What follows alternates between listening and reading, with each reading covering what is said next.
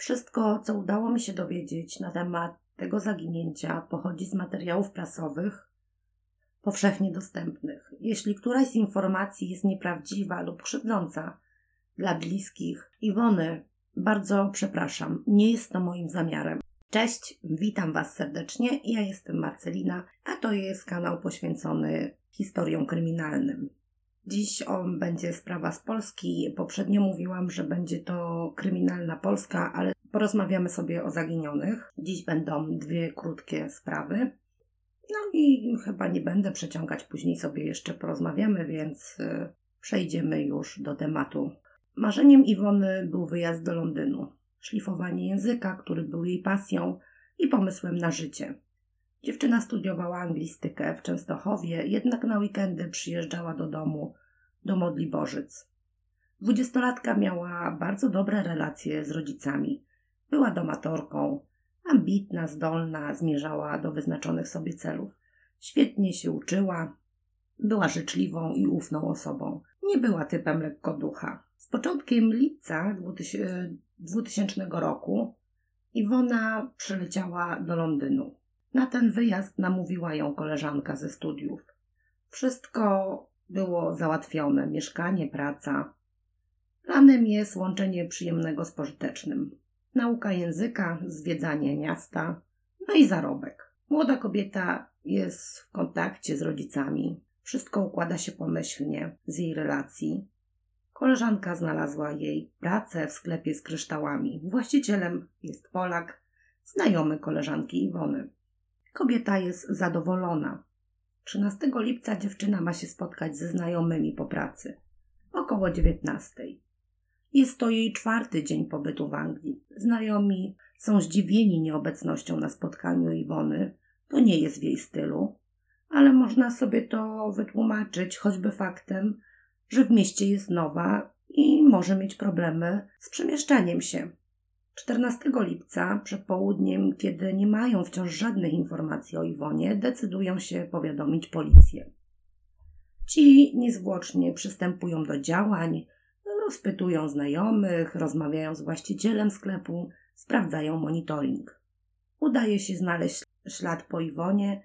Kobietę zarejestrowały kamery w drodze do pracy około 7 rano w dzielnicy Hammersmith w miejscu pracy przy King Street również była widziana.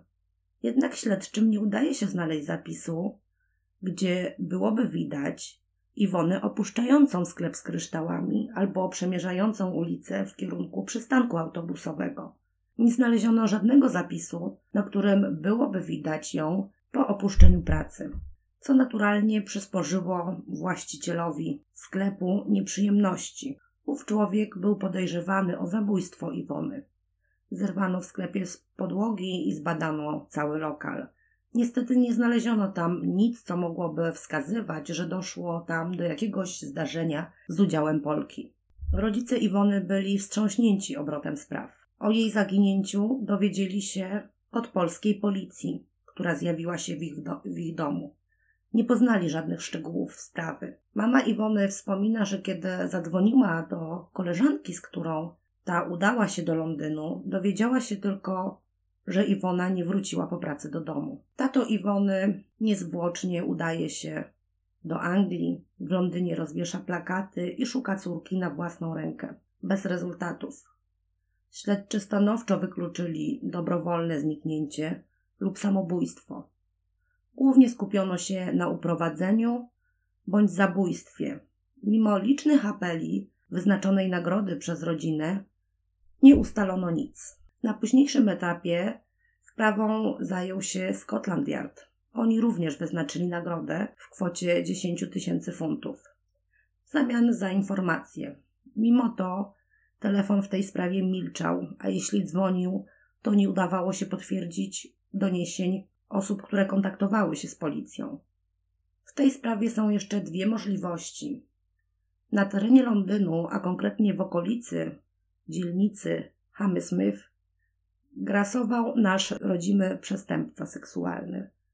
Później również morderca, Andrzej Kunowski. Opowiem bardzo krótko o tym człowieku. Kunowski od najmłodszych lat sprawiał problemy wychowawcze Nie potrafił dogadywać się z rówieśnikami, był nerwowy.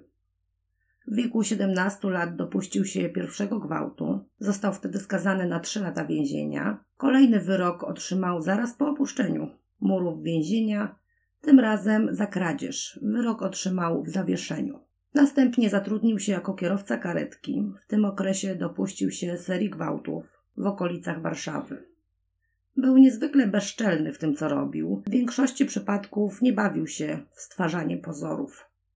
Kobiety spotkane w odosobnionych miejscach, typu jakaś leśna droga, polna, zwyczajnie wlógł w głąb od drogi i gwałcił.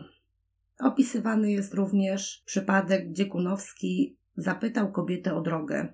Udając, iż nie słyszy, co do niego mówi, nakłonił ją do podejścia do samochodu. Kiedy nieszczęsna górną część ciała włożyła do kabiny kierowcy, Andrzej zakręcił szybę, unieruchamiając kobietę, po czym ją zgwałcił. Został oskarżony o 25 gwałtów i usiłowanie morderstwa. Skazano go na 25 lat, jednak po 15 już cieszył się wolnością za dobre sprawowanie. Po czterech latach na wolności znów trafił przed oblicze sądu za gwałt. Po dwóch latach w więzieniu wyszedł na wolność ze względu na stan zdrowia i niedrożność żył. Sprzedał mieszkanie, zafundował sobie lewy paszport i zbiegł nielegalnie z Polski do Anglii. Tam jego przestępcze zapędy rozwinęły się w najgorszy możliwy sposób. Początkowo zaczepiał okoliczne dziewczyny. Te jakimś sposobem unikały napaści seksualnej. Niepowodzenia Kunowskiego chyba przysparzały go o frustrację, ponieważ zarzucił sieć na dwunastoletnią Katarinę, imigrantkę z Macedonii. Napadł dziewczynkę w jej własnym domu i udusił. Ojca Kateriny dzieliły minuty od uratowania córki. Widział napastnika, nawet rzucił się za nim w pogoń. Bezskutecznie. Na pewien czas Andrzej zapadł się pod ziemię. Nie wiadomo, co robił w tym okresie. Być może gdzieś grasował, lecz ofiary milczały. Kolejne spotkanie z wymiarem sprawiedliwości mężczyzna miał w 2002 roku, kiedy to zgwałcił i próbował udusić w swoim mieszkaniu studentkę z Azji. Kunowski za tą napaść został skazany na 9 lat. W międzyczasie zbadano jego DNA i ustalono, iż to on jest zabójcą dwunastoletniej Macedonki. 2004 rok przyniósł mu wyrok za Katerinę. Było to dożywotnie pozbawienie wolności. Andrzeja Kunowskiego łączono jeszcze z dwiema zaginionymi młodymi kobietami. Podejrzewano go również o morderstwo dziecka w Polsce i on grasował między 1997 rokiem a 2002. Kunowski teoretycznie miałby możliwość napaść i zamordować Iwonę, jednak moim skromnym zdaniem tego nie zrobił. Ten osobnik jakoś specjalnie nie przykładał się do ukrywania swoich czynów. Odnoszę wrażenie, że działał spontanicznie, ale mogę się mylić. Kolejnym człowiekiem, który również miałby możliwość na swojej drodze spotkać Iwonę, jest niejaki Levi Bayfield. Podobnie jak Kunowski miał niezdrowe zapędy względem kobiet. Jego przestępcza działalność niewiele różniła się od, Andrzejowej. Zaczął może trochę mniejszym kalibrem, bo na jego koncie początkowo pojawiały się wyroki za kradzież, włamanie, wykroczenia drogowe. Levi miał liczne partnerki i liczne potomstwo. Jego przygoda również zaczęła się w Londynie i na jego przedmieściach. Mężczyzna był widywany, jak zaczepiał młode kobiety na przystankach autobusowych i w 2002 roku Levi uprowadził i zamordował 13-letnią Milę Dowell. Kolejną jego znaną ofiarą była Marsha McDonald. Następną francuska studentka Amélie Dulagonge. Levi Bayfield odsiaduje dożywotni wyrok za morderstwa. Nie są te młode dziewczyny, o których Wam przed chwilą powiedziałam, nie są jedynymi ofiarami tej bestii. Ma na swoim koncie również usiłowanie zabójstw, porwanie i bezprawne przetrzymywanie. W trakcie pobytu w więzieniu przyznał się do uprowadzenia morderstwa i usiłowanie morderstwa Lynn Russell oraz jej dwóch córek w 1996 roku. Jedna z dziewczynek przeżyła spotkanie z mordercą. Za tą zbrodnię jednak ktoś już odsiaduje wyrok. Śledczy są przekonani, iż Levi dopuścił się o wiele więcej, niż udało mu się udowodnić. Tutaj z, tą, e, z tym człowiekiem też mam taki problem, że on również nie ukrywał swoich ofiar. On je po prostu zostawiał gdzieś, czy przy drodze, czy w jakichś krzakach.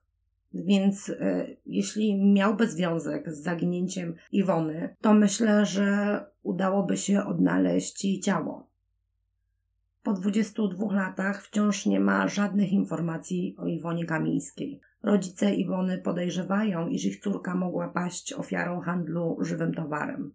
Są zdania, że to, co spotkało ich córkę, było przemyślane i zaplanowane. Śledczy nie zaprzeczają takiej możliwości i nie wykluczają. Nie są jednak w stanie poprzeć tej koncepcji dowodami. Tak samo jak powiązać Iwonę z którymś z przestępców grasujących w tamtym okresie na, tele, na terenie Londynu. W 2009 roku rodzice Iwony w wywiadzie wspominali córkę i mówili o swoim cierpieniu, które się nie skończy, póki nie poznają prawdy.